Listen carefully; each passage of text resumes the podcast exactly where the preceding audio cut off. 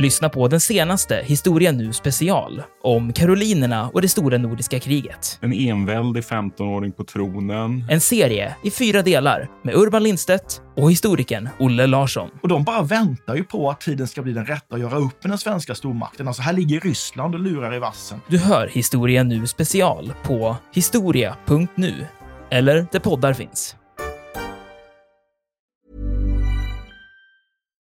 Here's a cool fact.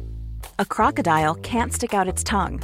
Another cool fact, you can get short-term health insurance for a month or just under a year in some states.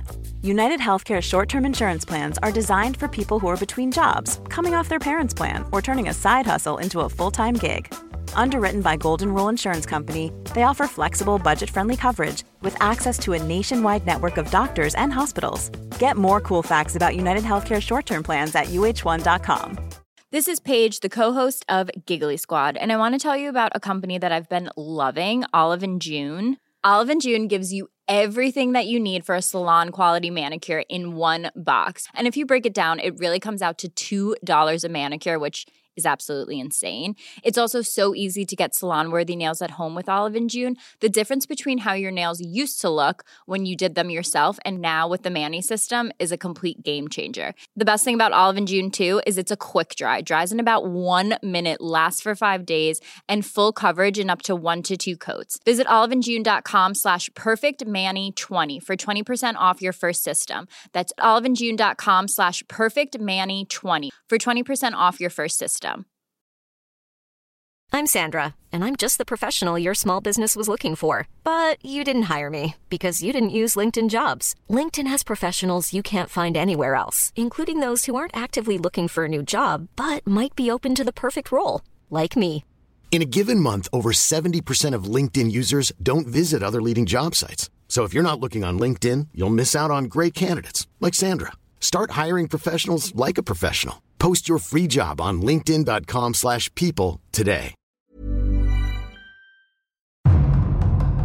Om det finns något argument under 1900-talet som har som, som eh, varit pacifismen till last så är det väl kanske just det att det finns de här krigen som vi bara måste utkämpa. Och, och andra världskriget har ju framstått som ett sånt krig som där det finns ingen möjlighet till kompromiss här utan vi måste bara, vi måste bara göra detta. Vi måste göra oss av med den här galenpannan i Tyskland. Liksom. Det är ju, eh, samtidigt så, så, finns det väl, eh, jag ska inte säga att jag själv har läst något av det här, men som jag, vad jag har förstått så finns det även historiker som menar att det hade funnits möjligheter till en mer fredlig väg under andra världskriget, att man var alltför oresonlig. Men jag vet inte, jag, jag, jag har svårt att liksom jag har svårt att acceptera den ståndpunkten faktiskt. Men däremot så, så, så finns det ju mycket, mycket enskilda händelser under andra världskriget som är obegripliga ur, ur någon slags eh, rationell liksom, eh, tänkande. Jag tänker närmast på bombningen av Nagasaki till exempel. Jag kan förstå på något vis Hiroshima, men jag kan inte förstå Nagasaki.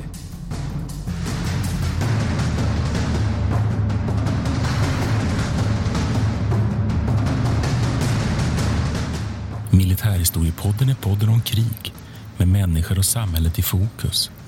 Programledare är Martin Hårdstedt, professor i historia vid Umeå universitet och Peter Bennesved, doktor i idéhistoria. Podden ges ut av förlaget Historiska Media. Stöd gärna MH-podden via vårt swishnummer 123 610 76 68. Märk betalningen med MH-podden.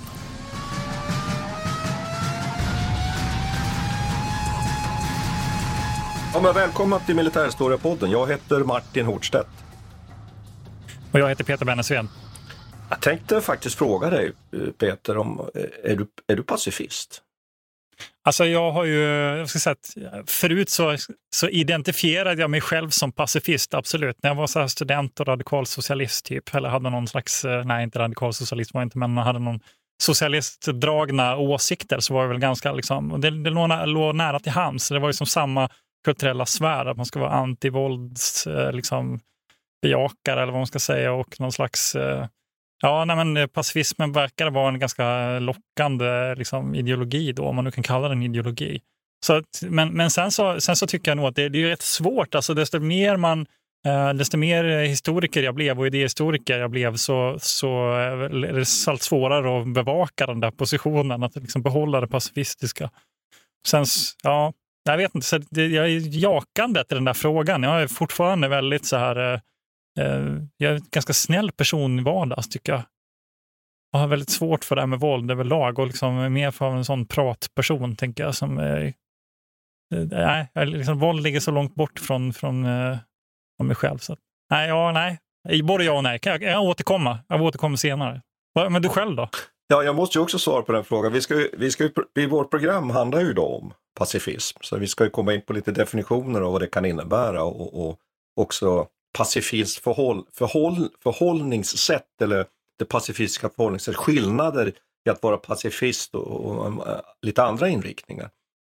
Men jag är inte pacifist, det, det kan jag inte säga. Jag, jag eh, menar bestämt att man måste använda våldet och även kriget i, i, under vissa omständigheter. Och nu, nu direkt egentligen så programförklarar jag väl kanske lite här att det finns en liten öppning här. Då. Om jag då så att säga intar den mera antipacifistiska ståndpunkten här så finns det ändå en liten öppning mot dig där vi kanske kan mötas, nämligen att jag, precis som du säger här, med livet, med mina erfarenheter både från, från det militära faktiskt och eh, från universitetet i mina studier av krig som mänsklig företeelse, för det är ju det egentligen jag har, har hållit på med, så, så tycker jag också att man kan verkligen ifrågasätta det militära och kriget i vissa avseenden. Alltså jag, är precis, jag, menar, jag har ägnat den största delen av min forskargärning åt att studera folk som blir utsatta av krig och som egentligen inte själv varit stridande.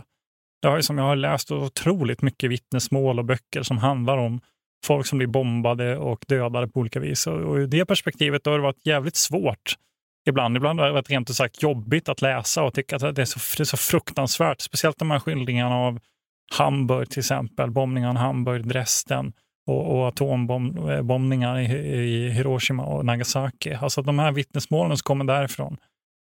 Alltså när man läser det, då kan man inte vara för i den stunden kan man inte vara för krig på något sätt. Alltså då är det väldigt lätt att bejaka den mer pacifistisk ådra. Men sen så är man ju samtidigt, jag vet inte, jag är ju så här, eh, vad ska man säga, stolt över mitt land och sånt. Jag skulle aldrig acceptera, och nu har jag familj och, som man också känner att man vill försvara och sånt där, skulle aldrig acceptera att, att eh, Sverige blev attackerat eller något annat. Då skulle jag ju, och det här är väl lite av det dilemma också som många, om man får knyta an till det historiska som också den här eh, avsnittet ska handla om, att ett problem har ju varit för pacifister genom alla tider att när det väl kommer till kritan eller när det väl blir krig så viker ju sig den här pacifistiska eh, politiska rörelsen ganska snabbt. Och många som har varit pacifister eh, blir ju ganska snabbt patrioter istället och liksom sluter upp bakom, bakom eh, kungar och, och eh, stater också.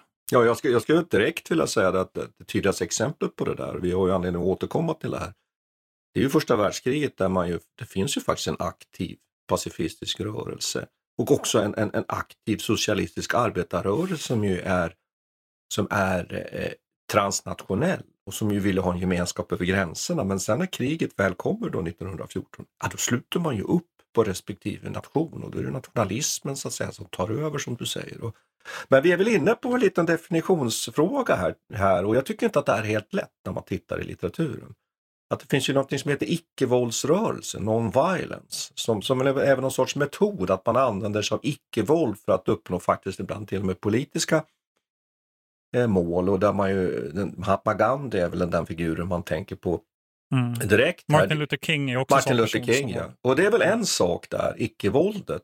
Den andra är den här pacifismen som vi pratar om nu och där är det väl mera relationen till det militära, till värnplikt, till kriget som funktion, till militarismen sådana saker. Eh, och de behöver inte nödvändigtvis höra ihop alla gånger. Sen finns det massor med olika schatteringar här. Och sen tänkte jag på en annan sak du sa där som är spännande, som, som jag viktig för mig. att När kriget väl kommer, en sån som Einstein som ju var pacifistisk i mycket av sina åsikter, ju menade att kriget mot Hitler, det måste vi ändå föra. Därför att den, den ondskan måste vi bekämpa. Ja, precis. Det finns ju den här pragmatiska, pragmatisk pacifism eh, och, som har den där inställningen också att eh, vissa saker måste man, måste man bara hantera med krig och andra eh, kan man då tycka att ja, men det här är vad ska man säga, förlusten i, i, i materiella värden och i män, människovärden är för hög för att man måste, så man måste lösa det på annat vis. Och så finns det den här, eh, jag vet inte, Albert Einstein gick ju över sen och blev, blev ganska, ja, han, eh, han blev ju pacifistisk och tillsammans med Bertrand Russell så bildade de ju den här Pogwash-rörelsen under 1900-talet.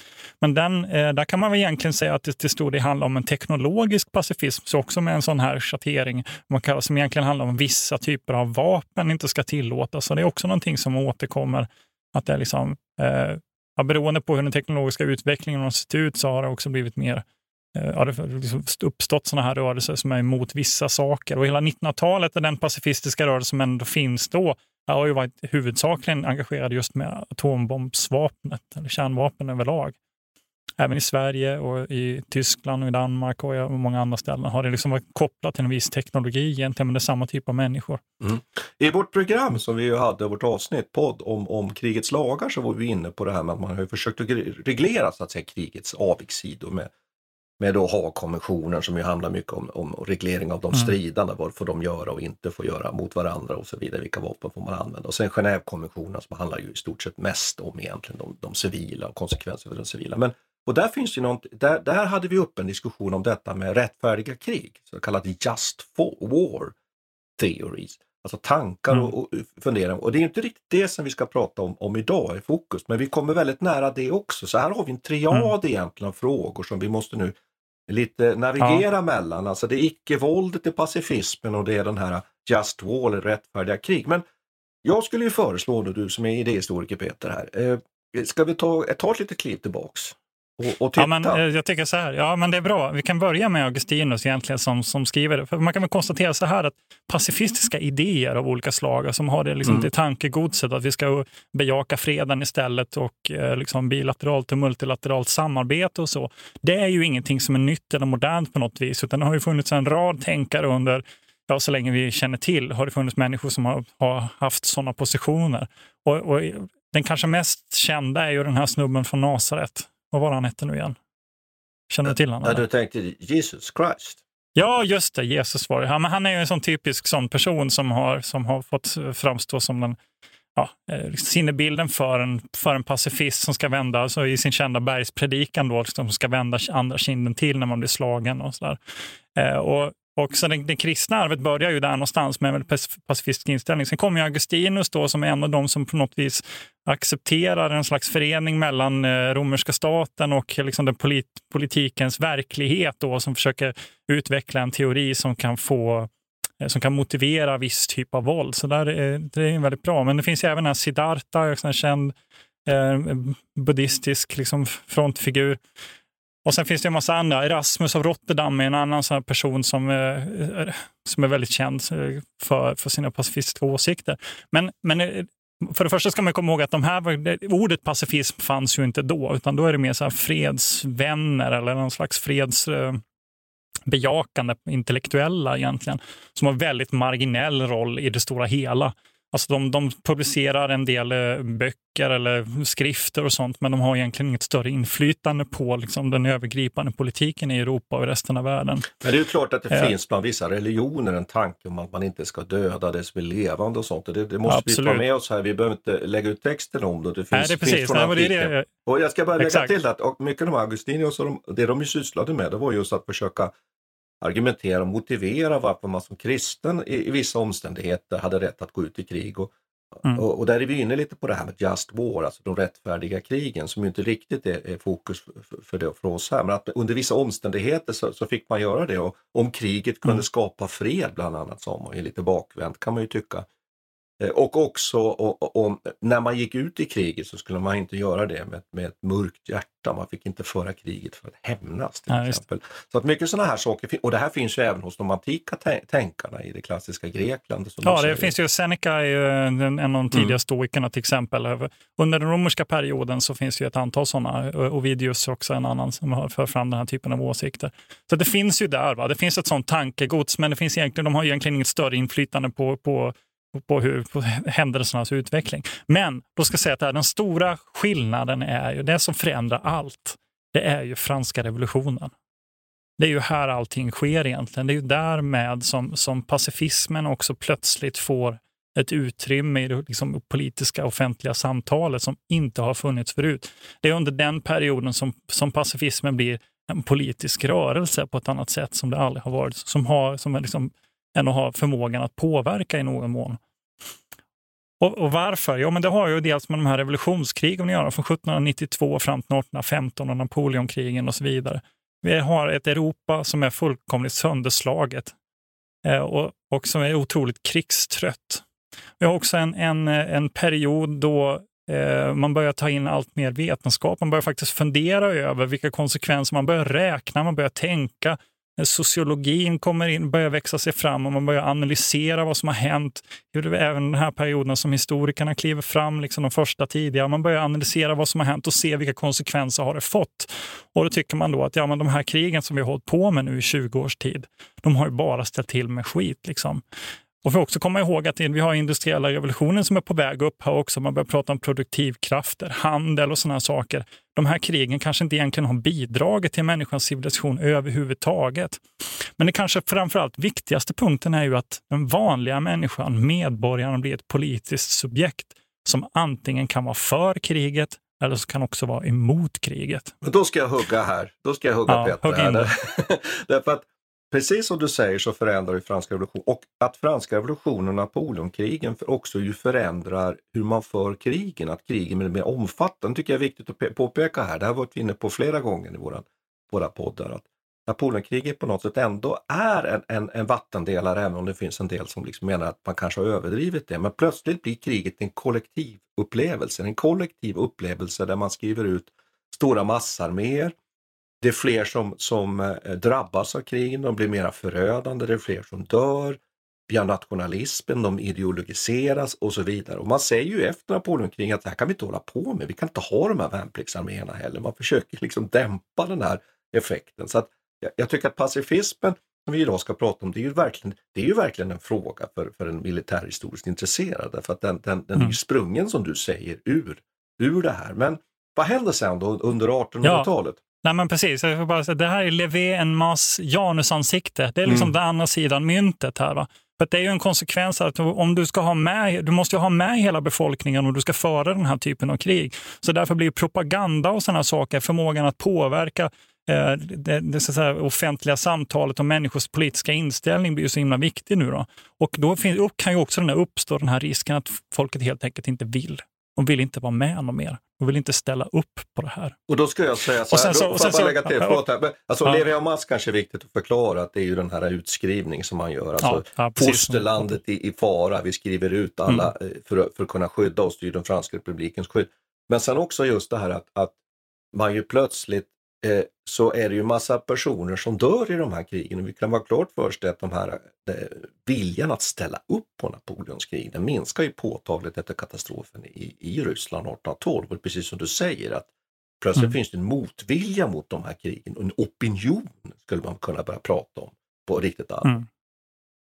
Precis, och sen har vi en, en fjärde uh, punkt här också som jag tycker är väldigt uh, viktig att komma ihåg också, att krigen på den här tiden det är också av sådan karaktär att så mycket mer står på spel. Det är inte så att kungarna bara kan ge sig i kast med ett krig, skicka iväg ett gäng soldater, föra den här kabinettskrigföringen och egentligen inga större konsekvenser, utan nu står hela kungadömen på, på, på spel. Hela stater på, står på spel hela Europas öde. Det är liksom en helt annan sak. Va? Och folk då som befinner sig i det här, för att jag ska säga att pacifismen överlag är ett typiskt, typiskt medelklassfenomen till en början i alla fall. Det är så liberaler och mellanklass, eller någon slags medelklass av, av intellektuella, eh, inte nödvändigtvis adelsmän, men ibland ofta är, är de det. Eh, det är de som driver fram den här. De har också mycket att förlora på den här typen av krig, som där, där liksom hela kartan ska ritas om och där eh, kungahusen står och faller. Liksom. Så där finns också en känsla av, och det hänger lite grann samman då med den här, det, det som händer efter Napoleonkrigen och Wienkongressen och den här stora den europeiska konserten, att vi behåller en slags status quo. Va? Sen ganska tydligt blev ju konsekvensen av det inte nödvändigtvis att man övergick till en slags pacifistisk europeisk världsordning, utan snarare var ju Wienkonserten ett sätt att hålla undan eh, revolutionen. Alltså att man inte skulle, eh, ja, vi skulle hålla staterna intakta, kungahusen intakta. Alltså det finns ju där i bakgrunden. Det var ju en kritik också som pacifisterna sen förde fram. Att man, var helt, ja, man tyckte det givetvis var väldigt bra att man kunde komma överens eh, med multilateralt och bilateralt samarbete och inte sätta igång krig. Men det skulle inte bara handla om revolutionära rörelser och folk som ville hävda sin rätt eh, och sådant, utan det skulle också vara krig som helhet, som en slags eh, samhällsfenomen. Men det som händer här nu då i början det är ju att eh, det bildas ett antal eh, så här fredsorganisationer, eller vad ska sammanslutningar. Och det sker ganska liksom samtida. Det är London Peace Society eh, 1819 eh, och det finns ett, eh, ett, ett parisiskt sammanslutning här för moraliska kristna som bildas 1821. De var inte bara intresserade av fredsfrågan, men de fanns även med här. I Genève bildas en liknande organisation 1830 och det finns även en i New York i USA. Den har lite annan karaktär, men det liksom poppar upp här under, under början av 1800-talet. Sen, den är inte särskilt stor då, den, den, den drivs som sagt av, av intellektuella, medelklassen och så vidare. Men sen är det framåt 1800-talet så börjar de här organisationerna samarbeta på ett nytt sätt och man sätter igång ett antal såna kongresser. Den första fredskonferensen eh, anordnas i London 1843. Och sen följer ett antal här nu då, eh, 1848 i Bryssel, 1849 i Paris och de pågick ända fram till 1853. Och vad är det som hände 1853, Martin? Det vet du? Jag har ingen aning. Jo, Nej, men då bryts ju plötsligt den här stabiliteten i Europa. Ja, Krimkriget. Precis. Och Krimkriget som vi faktiskt inte har gjort någon podcast på, men det ska vi naturligtvis göra, eh, är ju det som ju bryter den här, kan man ju säga, perioden av relativ stabilitet. Eller hur? Och sen kommer ja. vi in i en mycket, mycket, mycket skakigare tid. Från 1853 och framåt egentligen ända till Tysklands enande 1871 skulle man kunna säga. Precis, och det säger någonting också om de här pacifistiska rörelserna, att de är ganska skakiga. Va? Så fort det sker, eh, alltså den tiden efter ett krig har varit så blir de ganska snabbt ganska starka och får ett stort inflytande. Men så fort det, det liksom bryter upp och, och det blir konflikter som blossar ut, då, då, då hamnar de lite grann i dvala. Och en anledning till det, det, det har också en intressant faktor här, att egentligen alla pacifistiska rörelser utan den socialistiska eh, har ju varit väldigt mån om att hela tiden inte kommentera på vard, vardagens politik eller liksom sakhändelse, det som händer just nu. Va? Och, det, och det är för att de har hela tiden fått kämpa mot sin trovärdighet. Och inte vara antipatrioter. Så ja, ju. precis. Och de har blivit bejagare. Ja, visst. Oh. De har blivit anklagade för landsförrädare, för, mm. för att vara ja, allt möjligt sånt här. De har, har lynchats och mördats och eh, det har, har, blivit protester av alla möjliga slag. Så, att, så det ligger i bakgrunden och ett sätt att hantera det var ju hela tiden att inte kommentera på, på, på händelser som skedde då liksom samtidigt, utan man hela tiden försökte vara, hålla en slags eh, apolitisk nivå. Men konsekvensen blev ju också att de tystnade så fort det blev krig. Va? Så fort det hände någonting så försvann de ur, liksom, ur det, det offentliga samtalet. Millions of people have lost weight with personalized plans from Noom. Like Evan, who can't stand salads and still lost 50 pounds. Salads generally for most people are the easy button, right? For me, that wasn't an option. I never really was a salad guy. That's just not who I am. But Noom worked for me. Get your personalized plan today at noom.com. Real noom user compensated to provide their story. In four weeks, the typical noom user can expect to lose one to two pounds per week. Individual results may vary. Hiring for your small business? If you're not looking for professionals on LinkedIn, you're looking in the wrong place. That's like looking for your car keys in a fish tank. LinkedIn helps you hire professionals you can't find anywhere else, even those who aren't actively searching for a new job but might be open to the perfect role. In a given month, over 70% of LinkedIn users don't even visit other leading job sites. So start looking in the right place. With LinkedIn, you can hire professionals like a professional. Post your free job on linkedin.com slash people today. Quality sleep is essential. That's why the Sleep Number smart bed is designed for your ever-evolving sleep needs. Need a bed that's firmer or softer on either side? Helps you sleep at a comfortable temperature? Sleep Number smart beds let you individualize your comfort so you sleep better together. JD Power ranks Sleep Number number 1 in customer satisfaction with mattresses purchased in-store. And now, save 50% on the Sleep Number limited edition smart bed for a limited time. For JD Power 2023 award information, visit jdpower.com/awards. Only at a Sleep Number store or sleepnumber.com. Så om vi spolar fram här lite då så kan man komma fram till, eh, till 1870-talet som är eh, kanske den eh, eh perioden som är liksom, eh, där det börjar bildas mer internationella. Alltså, många av de här första organisationerna var ganska var nationellt bundna då och så olika föreningar ute i landet så som försökte sprida någon slags budskap. Men mot slutet av 1800-talet så bildas ju mer in, in, renodlat internationella organisationer som försöker fortsätta med de här internationella konferenserna, kongresserna och det. Och man blir väldigt mån om att, att hålla fram det här med internationell lag. Det vet att vi pratar lite grann om i det här avsnittet om, om krigets lagar. Krigets lagar, ja. Mm. Mm. En viktig punkt som jag tycker är intressant är den här eh, Alabama-affären. Känner du till den, Martin? Ja, du får, 1872. Ja, upplys mig. Ja, nej, men det, det, är ganska intressant. Alltså, det här är efterspelet av, av inbördeskriget i USA. Eh, och då var det så att eh, sydstaterna då fick hjälp av britterna för att, för att ägna sig åt kapningsverksamhet ute på Atlanten. Eh, och då när nordstaterna vann det här kriget så, så, så, så, så ville man då liksom få någon slags ersättning av Storbritannien för, för de här skeppen som, som de hade sänkt. Och det var bland annat ett skepp som hette Alabama. Då. Eh, och det här var faktiskt en av de första gångerna som man, som, som man löser en, en, eh, eh, en internationell konflikt med skiljedom. Så 1872 då bestämmer sig britterna på att gå med på det här, de här kraven och betala då 15 miljoner amerikanska dollar till, till nordstaterna, till USA, som, som en slags straffavgift eller vad man ska säga, som en slags bot liksom för att de hade understött sydstaternas eh, kapningsverksamhet. Och detta lyftes fram då av fredsrörelsen som en enorm vinst faktiskt. Och under den här perioden som man också ser det här med skiljedom kommer in i den pacifistiska rörelsen som en, liksom, en av de här sakerna som faktiskt skulle kunna åstadkomma någonting. Och man försöker sätta igång med de här tribunalerna och, och och olika organisationer då, som ska försöka lösa och medla i konflikter med med skiljedom. Jag tror svenska, svenska skiljedomsföreningen poppar också upp här någonstans. Mm. 1800-talet. Oh. Ja, precis. Och, och det, är namnet, slutet av 1800-talet. Du har ju namnet där, Freds och skiljedomsföreningen. Då förstår man ja. varför att man hade en idé om att den här freden skulle kunna ske och upprätthållas då med sådana här skiljedom, skiljedomar. Då. Mm. Precis. Ja, vad ska man säga mer då? Ja, det finns ju mycket, alltså, under slutet av 1800-talet finns ju ett antal personer här också som skulle kunna nämnas som är intressanta.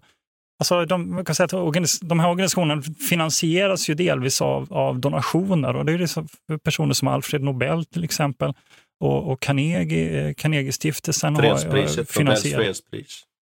Ja, precis. Och de tillsätter mm. det här fredspriset här nu och den första som får det Eh, det är väl den här fransmannen Frédéric Passy som har varit väldigt mm. Eh, typ, han levde mellan 1822 och 1912 egentligen. Och det är han som bildar den första internationella fredsorganisationen 1867. Och han får faktiskt eh, tillsammans med Henri Dunant Eh, som då eh, bilder av Röda Korset. Så det säger någonting om tidsandan och den här perioden. Slaget vid Solferino 1859. Ja, precis. Ja, men precis. Mm. Så här, här, här ligger ju eh, bakgrunden då. En person som jag skulle vilja lyfta fram faktiskt, som jag tycker är lite mm. spännande med koppling till Krimkriget, det är ju Leo Tolstoj. Ja, precis. Det... Han är ju en sån här radikal pacifist egentligen. Han är ju en av de få egentligen som, som är helt mot alltså verkligen all, alla former av våld. Jo, han blir han ju det, ska ju uttryckas. Därför att det är just ja. precis så att han är ju ung artilleriofficer och deltar ju i Krimkriget. Sevastopols belägring bland finns han med och det här, det här påverkar ju honom sen i sitt sätt att när han skriver om, om krig. Och eh, ibland brukar man säga att krig och fred ju är väl, finns en väldigt stark kritik av kriget i den. Till och sådana saker. Så att, så att eh, eh han blir ju sen som du säger, får man, får man mm. uttrycka sig så, ganska extrem i sin, sitt synsätt. Och en jo. sån här som ju faktiskt inspirerar med det han skriver. Han skriver ju på slutet av sitt liv väldigt tydlig icke-våldslitteratur. Mm. Han är precis, och han är en av få som har den här positionen. Mm. Och, och, man kan väl säga i samband med det också att det är egentligen väldigt, även om den här fredsrörelsen, den pacifistiska rörelsen blir väldigt stora och växer till och väldigt många anhängare, så är det ju väldigt få som är liksom totalt emot alla former av våld, utan oftast har de någon slags olika kriterier där mm. de tillåter vissa typer av försvara sig mot anfallskrig och så vidare. Men du, begreppet pacifism, alltså det ordet. Ja, men det, precis. Vi kommer till det nu precis här. För Ja. det, det är egentligen början under, under början av 1900-talet som det, här, eh, som- som det här kommer fram. Och det är den här Emile Arnaud, en, en fransk eh, advokat egentligen, som var en av de drivande i en sån här eh, internationell förening. Han, han, han jobbade för fredsrörelsen under väldigt lång tid, under hela sin livstid egentligen. Och först, eh, men först 1901 så släpper han en bok då, han skriver, liksom, skriver en slags kodifiering av sina å, åsikter. Och då säger han ju det här att vi, vi bör kalla oss pacifister och vår ideologi är pacifism. Eh, Så det, det var det precis vid, vid eh, sekelskiftet här, 1901. Och det är rätt, ja. Så före det finns ju inte det här begreppet egentligen, men sen anammades det ganska snabbt för att fånga upp allt det här. Mm. Och det är väl inte, jag vet inte. Sen kommer man liksom till den här sista epoken som är lite svår att förstå. Va? Alltså, under den här perioden fram till 1913 så har man nästan ja, man har, eh, 18 stycken stora eh, fredskonferenser runt om i världen. Och det är ju huvudsakligen då mellan Uralbergen fram till Ro- Rocky Mountains kan man säga. Det är liksom Europa, de europeiska länderna som de här rörelserna växer, sig, eh, växer till sig. Och, och jag tycker att en intressant reflektion här nu är, det är ju att det är många små länder som är engagerade i det här. Jag vet inte, det kan vi resonera lite kring. Det är liksom Belgien, det är Holland, det är Schweiz och skandinaviska länderna. Och varför är det just de som är så drivande i de här frågorna? Ja, det är ju för att de är svagaste. Naturligtvis. Ja. Så att de säkert också är mer benägna att liksom jobba mot eh, idealistiska sätt att försöka liksom lösa sin säkerhet om man uttrycker sig så, med, med liksom avtal och sånt istället för att tänka mer realistiskt. Stormakterna kunde ju skaffa sig liksom, så att säga en, en, militär krigsmakt och skydda Absolut. sig med, medan de här länderna är ju mera ju mera utlämnade och särskilt Belgien som ju befinner sig i en väldigt egentligen svår situation när, när det så att säga börjar dra ihop sig i Europa inför första världskriget. Det inser ju belgarna att de kommer ju bli slagfält om, om det smäller. Precis. Och jag tror att det finns en annan grej också som, som man snälla snackar om i de här sammanhangen, men det är också att eh, alla de här länderna är väldigt exportberoende på ett annat sätt. Än vad, de är inte självförsörjande på Nej. samma sätt som de är stora, som Storbritannien, som Frankrike, eller Storbritannien i och för sig är väldigt handelsbundna, men, men Frankrike och Tyskland till exempel är ju så stora länder att de klarar sig i princip själva. De är inte vana på samma vis att behöva eh, finna sig i skiljedomsfrågor på det viset. Så att jag tror att det där ligger nog bakom lite grann också. Att de här länderna, eh, dels är de måna om att, eh, liksom, sin egen säkerhet, att de, om de kan få de stor, stormakterna att inte gå i krig med varandra så skyddar de också sig själva, men också att de har en vana att ge sig ut i internationella sammanhang och försöka hävda sin rätt att förhandla och kompromissa. Jag tror att det, det är mycket av, mycket av kärnan ligger här och det tror jag framförallt i ett land som Schweiz till exempel som alltid varit en, en föregångare i den här typen av humanitära frågor och många av de här internationella samfunden har ju sina kontor i Bern eller Zürich eller Genève eller vad det nu kan vara. Så att det, det, finns ju alltid där. Sen tycker jag vi kan prata lite om det här med pacifismen och dess relationer till den socialistiska rörelsen också, och Mm, även den religiösa. Det finns ju en, liksom en, en väckelserörelse också som, som är väldigt pacifistisk, som är väldigt eh, och som är viktig. Men ja, där är ju ett problem då, att om, om alla de här rörelserna hade kunnat förena sig på något sätt så hade ju rörelsen blivit enorm och antagligen ha mycket större effekt Eh, och faktiskt kunna åstadkomma någonting. För man- får vara lite krass och säga att tyvärr så åstadkommer ju den här inte så jättemycket, åtminstone inte på kort sikt. Första världskriget bryter ut och, och de här rörelserna i princip kollapsar eller liksom, eh, hamnar i dvala. Men ett problem är ju att man inte kan förena sig med den socialistiska rörelsen och, och eh, internationalerna och man kan inte heller förena sig med de religiösa fanatikerna som man då tycker liksom, som har en helt annan bevekelsegrund för sin, sin pacifism. Utan resultatet blir väldigt liksom, fragmenterat och man kan inte komma överens och krigen kommer emellan. Och, eh, och stora grupper faller bort på grund av att de då eh, ja, men italienarna kanske går i krig och då försvinner den italienska falangen till exempel, eller så går Tyskland i krig. Dansk-tyska kriget till exempel är ju sånt här som inspirerar till exempel Berta von Suttner som är en av de största kvinnliga pacifistiska eh, portalgestalterna. Hon skrev en väldigt känd bok som heter Die Waffen nieder, Lägg ner vapnen. Och den var ju inspirerad då av det dansk-tyska kriget faktiskt. Och, så, och för, för Tyskland var det just dansk-tyska kriget som lite grann förstörde rörelsen för dem, att de kunde liksom inte ta sig vidare därifrån.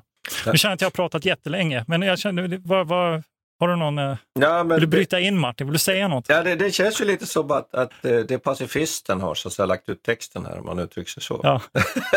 nej, men, nej, skämt åsido. Så jag tycker så här, det är ju klart att, att den här tanken på att man ska undvika krigen och, och, eh, den bryts ju naturligtvis mot dels nationalismen som du är inne på. Det är ju Mm. nationernas starka ställning i början på 1900-talet inför första världskriget. Och det andra är ju också som du liksom redan har sagt att man kan inte från, från så att säga borgerlig sida samarbeta med den socialistiska rörelsen. Och det är helt omöjligt att göra det. Så att, och att, nyk, nyk, så att säga, nykterhet och fri, frikyrkorörelse har väldigt svårt att samarbeta med den socialistiska rörelsen när det gäller det här. Även, Ja. även arbetarrörelsen kunde vara nykteristisk och sådär också. Men, men i alla Ja, visst, fall, och sen, jag och, visst är det ja, så. visst, precis. Och det, här går och sen är de ju ja. revolutionära också. Ja, det går ju inte. Det, man får inte ihop Nej. det. Men det är ju en stor tragik att eh, första världskriget kom ju med sån enormt brutal kraft och Mm. pressar ju de här uppfattningarna, pacifistiska uppfattningen till yttersta. Och det kan vi väl, tycker jag, lite borra i. Att, att pacifismen får ju väldigt, väldigt svårt under första världskriget, under nationalismens krig. Och här finns det ju en Mm. del sådana här väldigt, väldigt spännande eh, berättelser. Det finns ju många som försöker att för, förhålla sig pacifistiskt. Det finns ju till och med de som arkebuseras för att de är pacifister under, under brittisk sida. Och att det här kriget också framstår för väldigt många som högst meningslöst. Eh, en av de här stora befälhavarna faktiskt under första världskriget hade ju syster som var tydligt pacifistisk faktiskt. Det är ganska intressant. Eh, French, som är en av de stora befälhavarna på brittisk sida, har ju en syster som kommer att jobba på ett helt annat sätt. Och det intressanta är att de respekterar varandra under hela, hela sitt liv, även om de har helt olika uppfattningar.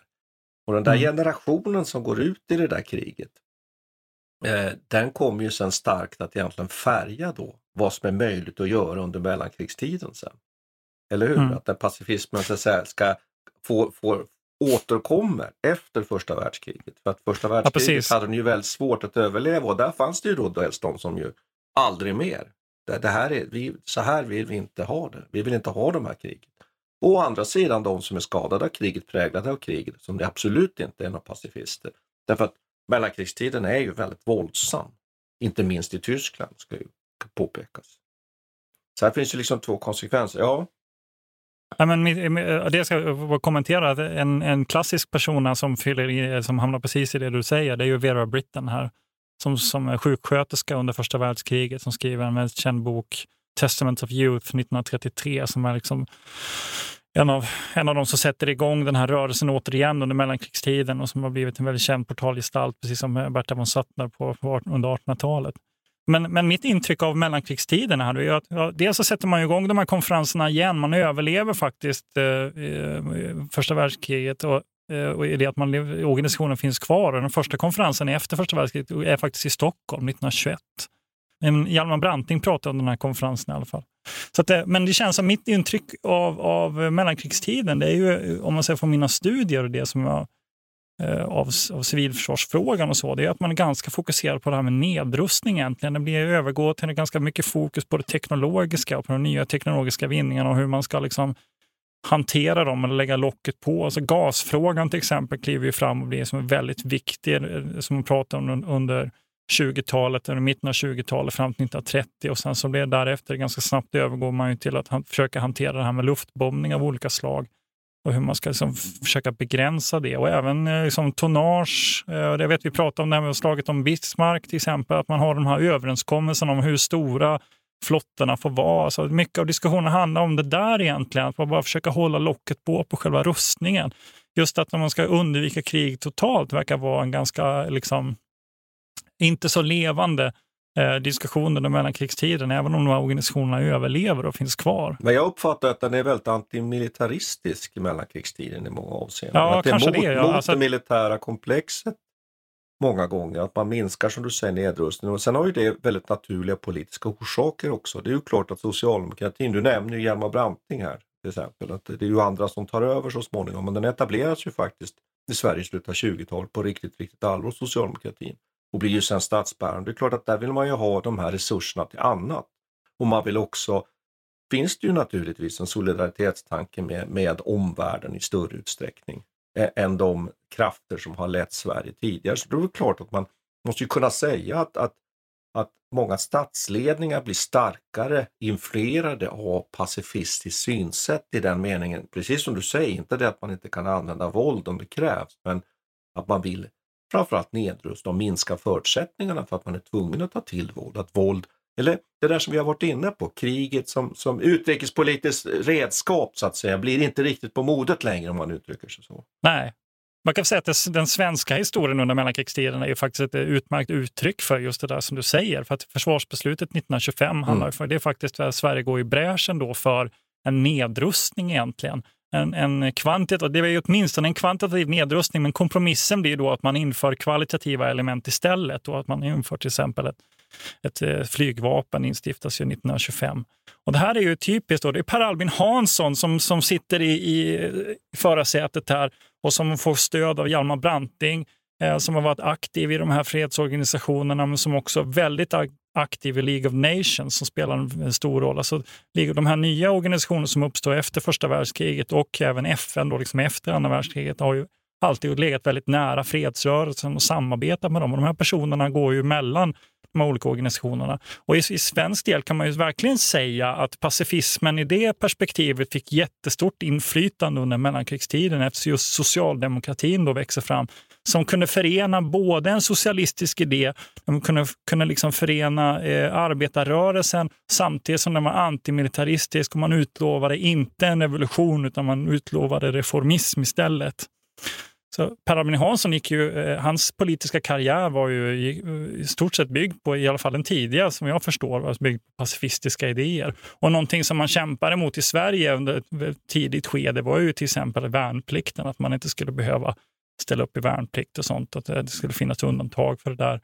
Eh, och det var, såg de värnplikten såg de också som en del av liksom, en allmän militarisering av, av mm. civilbefolkningen. Men då är det inte nödvändigtvis egentligen våldsutövandet utan det är ju mer att man ser värnplikten och den så att säga, om jag uttrycker mig så, den borgerliga nationella armén som en del av etablissemanget som man bekämpar. Exakt. Politiskt ja. så att säga. Och, men man kan väl säga att under mellankrigstiden så finns det en stor flora av, av, av olika sådana här eh, krigsant föreningar som samlar tiotusentals människor faktiskt och ganska goda förutsättningar för pacifistiska rörelsen. Och jag tycker man kan nämna här att många av de här föreningarna drevs ju också av kvinnor. Och det kan man ju spekulera lite kring nu här. Nu kanske vi, man ska inte göra sig skyldig till att liksom säga att kvinnor är mera fredsälskande än män. Det tror jag inte en sekund på. Men det är intressant också att man kan tänka sig att de här kvinnorörelsen överhuvudtaget och kvinnornas väg till att få demokratiska rättigheter också gör att de är mer benägna att, att, att kunna, kunna faktiskt engagera sig och bygga och driva den här typen av politiska och ideologiska föreningar kan man väl säga. Vad säger du om det? Ja, men det är helt rätt. Alltså, det som är jätterätt, Alltså, man ska säga så här, det är ett oerhört bärande argument för kvinnorörelsen under den här tiden, alltså suffragettrörelsen och, och, och, kravet på, på politisk representation och att man ska få välja, eh, vara delaktig i valen och annat det har att göra med att man också driver fram den här idén om att om kvinnor då får ta en aktiv roll i politiken så kommer man också kunna förhindra militarismen. Eh, genom politiskt deltagande ska man helt enkelt förhindra krig för att kvinnor ställer inte upp på samma, i samma utsträckning på den här typen av våld som män gör. Alltså det här är ett, ett av de argumenten man använder då för att det ska slå sig in i det politiska etablissemanget. Sen så, och till viss del kan man väl säga att det fungerade till en början i alla fall, men men, eh, men eh, det är ju en, en, sak att ha rösträtt, en annan sak att få liksom politiskt inflytande i realiteten. Det tog ju väldigt lång tid innan kvinnor faktiskt kunde göra sin röst hörda på något aktivt sätt, även om de hade rösträtt under den här perioden och liksom rent formellt sett var, var... Traffic jams, tailgating, pileups. Ugh, the joys of driving. How could it get worse? The federal government wants to have a say in what you drive. That's right. The Biden administration's EPA is pushing mandates that would ban two out of every three vehicles on the road today. Don't let Washington become your backseat driver. Protect the freedom of driving your way. Visit EnergyCitizens.org. Paid for by the American Petroleum Institute.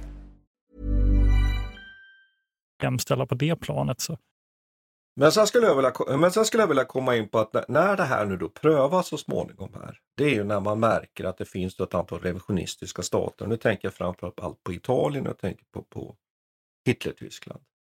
Att där börjar frågan inställa sig hos nu alla de här rörelserna att, att när man börjar inse vad den nazistiska ideologin står för och när ju sen så småningom kriget bryter ut, att där hamnar man ju plötsligt i ett väldigt stort problem.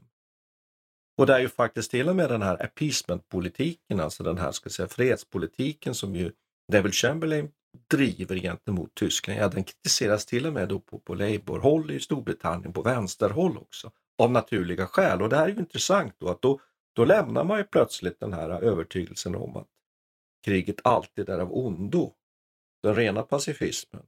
Utan här kan man väl säga att, att, att med kriget mot, mot, mot Adolf Hitler och nazismen, där är det ju ytterst få som står, står kvar med, med en ren pacifistisk ståndpunkt. Utan att man, man menar att detta är på något sätt ett, ett undantag. Jag nämnde redan Einstein, det finns ju fler som säger detta, att man här, alltså pacifismen blir relativ. Den här konflikten, den här striden måste vi ta, den måste vi också föra med våld. Det är ju intressant, så pacifismen är, Ja, det är det. är mångfacetterad och jag, jag måste säga att personligen att jag förstår det och jag tycker att det är rätt och riktigt att tänka på det sättet om jag får säga vad jag tycker. Vad, vad tycker du Peter om det där? Ja, men jag, tycker att det där, jag, jag tycker det blir en utmärkt diskussion här, för, för, att det, för det där är ju så spännande. Va? För att det, sinnbilden av, alltså det man säga, om det finns något argument under 1900-talet som har som, som eh, varit pacifismen till last så är det väl kanske just det att det finns de här krigen som bara måste utkämpa. Och, och andra världskriget har ju framstått som ett sånt krig som där det finns ingen möjlighet till kompromiss här utan vi måste bara vi måste bara göra detta. Vi måste göra oss av med den här galenpannan i Tyskland. Liksom. Mm.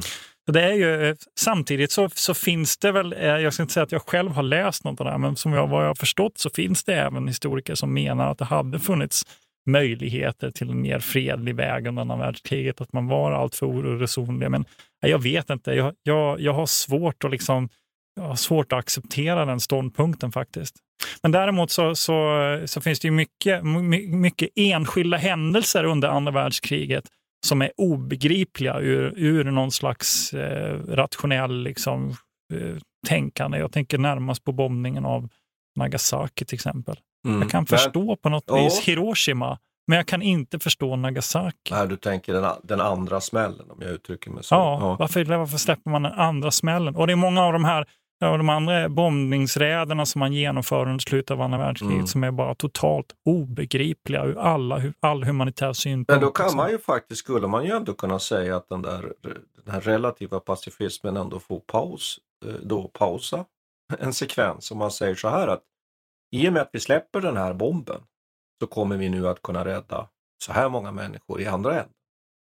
Och framförallt så kommer vi kunna rädda amerikanska människors liv i ett krig Mm. som faktiskt inte USA har startat utan faktiskt Japan. Och sen kan man då börja med en lång, lång argumentation kring det där huruvida amerikanerna är oskyldiga eller inte. Det är jag inte intresserad av här. Men, så att det är ju jättespännande med de här, som du säger, sekvenserna där man kan diskutera.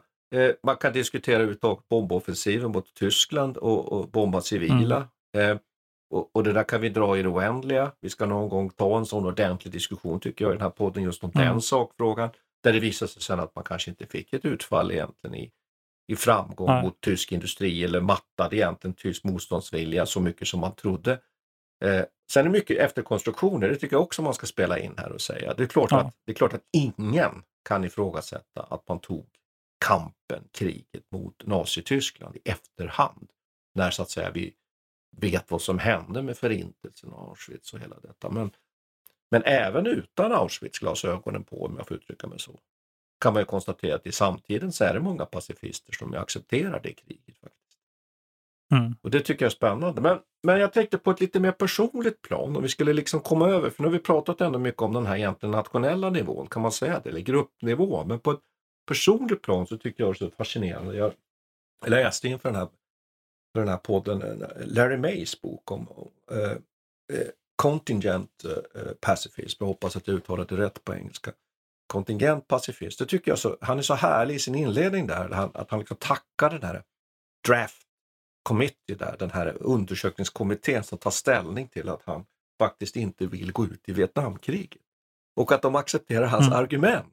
Nämligen att han, säger, att han säger ungefär i korthet så här, nej men jag är inte pacifist och vapenvägrare i största allmänhet, men jag är, jag är det i den här konflikten. Av de här de här Mm. skälen. Och där de, där de faktiskt ger honom ger honom då möjlighet att få vapenfri tjänst. Så var det meningen att han skulle skickas som vapen, alltså icke stridande då till Vietnam. Nu undslipper han det också av andra skäl. Men jag tycker att hans diskussioner är så härliga där, att han, att han uppskattar deras, vad ska vi säga, intellektuella renhårighet där på något sätt i den där processen. Mm. Och sen skriver han ju en bok som är ett enormt inträngande och, och intressant på väldigt många sätt. Men just detta att man kan tänka sig att vissa typer av strider är man inte beredd att ta. Och då är ju frågan, var går den där gränsen? Och vad är man som människa beredd att inte använda våld? Mm. Är, är, vi beredda att försvara våran familj?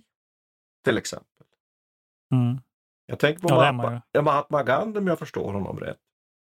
Så går ju han väldigt, väldigt långt i sitt icke-våldsutövande. Det är ja. inte bara det att han använder det som en metod. Utan den är väl också den att den är, den är i stort sett religiös också. Han vill inte släcka något levande väsen. Och att han är också beredd att bli dödad för denna mm. tro. Så uppfattar jag det. Och att det finns, alltså den rena pacifismen, den är ju så att det finns inget krig, det finns inget dödande som går att argumentera för. Men då är, då är ju frågan ja. här Peter, alltså, hur är det med vårt självförsvar? Då? Är vi beredda att försvara oss själva? Är jag beredd, är du beredd att, att ta till våld för att försvara vårt eget liv? Är vi det? Ja, men det skulle man säga. Det måste ju vara någon slags biologisk impuls också, att bara vilja rädda ja. sitt eget liv, tänker jag. Men då är du ju inte det, det måste till en oerhörd, liksom, ja, det måste till en, en fruktansvärd liksom, självkontroll och eh, eh, någon slags meditativ tillstånd för att klara av att inte försvara sig på det viset. Eller det beror på hur situationen ser ut. Det är självklart. Ja. Och sen naturligtvis självklart att försvara ja. sin familj och sina nära och kära. Det, det känns ju ganska självklart. Men är man beredd att försvara sitt samhälle? Det handlar ju värnplikten om. Det borde alla unga mm. människor som ställs inför den frågan ta tag i den frågan. Jag, jag, jag hade en väldigt allvarlig diskussion faktiskt med min pappa inför mitt inträde i, i att göra värnplikten faktiskt kring de här frågorna. Det råkade vara så att min pappa var press, så det är klart att han hade en hade ett, han hade liksom en djupare förståelse kanske för de här sakerna. Så jävla borgerlig Martin. Ja, det, det kanske jag är, men vi, vi, vi, hade en väldigt bra diskussion kring detta om jag var beredd att, att döda. Och, och den tyckte jag var väldigt fin faktiskt. Att vi hade den diskussionen. Min pappa var nog inte helt självklart eh, med på noterna. Han var inte pacifist, det uppfattar jag inte att han var, men han var mer tveksam mm. till, till det militära, det, det vill jag säga. Absolut. Inte bara religiösa skäl utan av, av andra skäl också. Så att eh, för mig så är det ganska självklart att man går in, går in i detta och är beredd att, att, att göra detta. Men jag gör det inte enbart av egen nytta så att säga, utan det är ju att man, hoppas jag, hoppas jag, utan att man gör mm. det för att försvara, försvara någonting som man tycker är värt att försvara. Så är det väl mångas mm. inställning. Men, men, ju, men då kan man ju säga så här, om man ska vara kritisk, så har du ju köpt den här typiskt konservativa liksom, eh, vad ska man säga, argumentpaketet då, som, och det här bytet som ja, man gjorde då ja. under början av 1900-talet. Ja. Liksom. Du, får din, du får din röst, men då ska du också vara eh, benägen att försvara ja, ditt land. Ja, det, du får, du får politiskt inflytande i utbyte mot ett vapen i hand. Ja, det måste jag nog erkänna att det, det är, nog, är nog så. Men däremot så tycker jag att en mycket intressant fråga här nu som, som Larry May ställer till oss, den är ju den just att, att finns det konflikter vi inte skulle vilja delta i? Och här har vi ju mm. Vietnamkriget mm. som ett sådant exempel. Eh, många unga män eh, i USA var nog beredda att försvara sitt land. Men de var kanske inte beredda att försvara sitt land som politikerna försökte tala om för dem i Vietnam. Ja, precis. Eh, ja, men det måste ju vara ett väldigt specifikt amerikanskt problem eller i de sådana länder där man liksom bedriver liksom krig i något, i något annat land någon annanstans. Mm. I Sverige har vi också haft under en mer modern tid har vi haft möjligheten att mer eller mindre välja om vi vill gå i Eh, vara, befinna oss i de här, eh, vara delaktiga i de här FN... Eh, insatserna, ja. Mm. Ja, insatserna till exempel. Det har ju inte varit stridande på samma sätt kanske som, som, som USA. Det går inte riktigt att jämföra USA och Vietnam där, men, men det finns också en jag vet inte, situationen så som den ser ut nu ger ju oss möjligheten att reflektera och fundera mm. och välja på ett helt annat sätt än vad det, vad det var förut. Och på det viset är det inte jämförbart med hur det var under andra världskriget och första världskriget. I och för sig så var det väl en del som ställde upp frivilligt även där också, men det, fanns en, det var en helt annan en helt annan kontext, mm. en helt annan miljö. Och Det är ett lyxproblem får man väl säga ur, ur ett historiskt perspektiv, att vi har den här möjligheten att sitta och klura och tänka och typ fundera över vår egen ståndpunkt. Vi kommer ihåg att de här soldaterna som, gick, liksom, som marscherade mot Moskva under 1800-talet under Napoleons ledning, jag menar, de hade ju Det handlar om att överleva liksom. Ja, de var små. Jag tror inte att de satt och, ja, jag tror inte att de satt och funderade på om det här var rätt i så stor utsträckning som, som Tolstoj sen skulle kunna ha möjligheten att göra. Nej, nej. Liksom. nej, nej. Och, och de Ja, hade små möjligheter att välja om de skulle vara med eller inte. Medan Ja, Medan vi kan sitta här och jag kan sitta och resonera kring hur jag tänkte. Skulle jag, skulle jag delta i FN-bataljon i Kosovo? Skulle jag vara Ja. med? Ska, skulle jag tjänstgöra i Afghanistan till exempel? Ta, och, I varje enskilt fall ta ställning till det där. Mm. Men, men det är klart att, att eh, pacifism är ju intressant som, som företeelse också tycker jag för en militärhistoriker. Och det tycker jag är viktigt Mm. här att vi har med och därför tycker jag härligt att vi har gjort ett podd om pacifismen som kraft. Mm. Och att den finns och att den Absolut. dyker upp. Och jag tycker också att, att eh, pacifismen ju har varit, är väldigt starkt spridd, vill jag påstå, eh, efter murens fall, 90-tal och senaste årtiondena bland många unga upplever jag som ju upp, undervisar. Du undervisar ju också unga studenter på universitetet. Jag uppfattar att det finns en väldigt stark pacifistisk inställning hos många unga. Är det, är det, det är väl riktigt? Absolut. Sen vet jag inte om man kan säga så här att eh, det är väl kanske felaktigt att säga att han har haft jättestort inflytande på om man, alltså, har man åstadkommit någonting. Tvek. Alltså det, det är tveksamt. Men däremot så måste man betrakta det just som ett fenomen, som en slags resultat eller ett janusansikte av liksom, krigets demokratisering. Och, så, och antagligen en, en politisk kraft som vi egentligen aldrig eh, som, vi, eller som, som alltid kommer finnas där och som aldrig, aldrig kommer liksom sluta att göra sig hörd på något vis. Det kommer alltid vara en del någonting som vi bör hantera och som i olika situationer har fått visst inflytande över, över eh, politiken eller militärens utformning, budgetar och annat och liksom valet att gå i krig. Kanske, jag vet inte. Men det kommer åtminstone så länge, så länge som eh, vi har värnpliktsarméer och, och på något vis en medborgarna är ett politiskt subjekt som har någon slags åsikt så kommer pacifismen alltid vara där tror jag. Mm. Ska vi avsluta där eller? Jag får ställa en sista fråga bara till dig? Hade du gjort din, okej. hade, hade du gjort din värnplikt, eh, Peter, och lärt dig skjuta på pappgubbar? Ja, för fan, det hade jag gjort. Aldrig, hade Bra, det, på det, det. det kändes det väldigt mycket bättre och därför tycker jag att vi kan fortsätta de här podcasten. Ja. Nej, men det var ju en annan... Ja, visst. Nej, absolut. Och apropå, apropå pacifism Peter, så återkommer vi med ett avsnitt om Nelson och slaget vid Trafalgar 1805. Det Ja. känns kanske som en lite lustig avslutning här. Det Men har stå, precis, det har stort inflytande på Nelsons strategi här, på just pacifismen. tack ska vi ha Peter. Ja, tack. ska vi ha. Hej. Vi tackar historikern Martin Hårdstedt och idéhistorikern Peter Bennesved. Producent är Urban Lindstedt. Militärhistoriepodden ges ut av bokförlaget Historiska Media. Stöd gärna MH-podden via vårt swishnummer 123 610 76 68. Märk betalningen med MH-podden.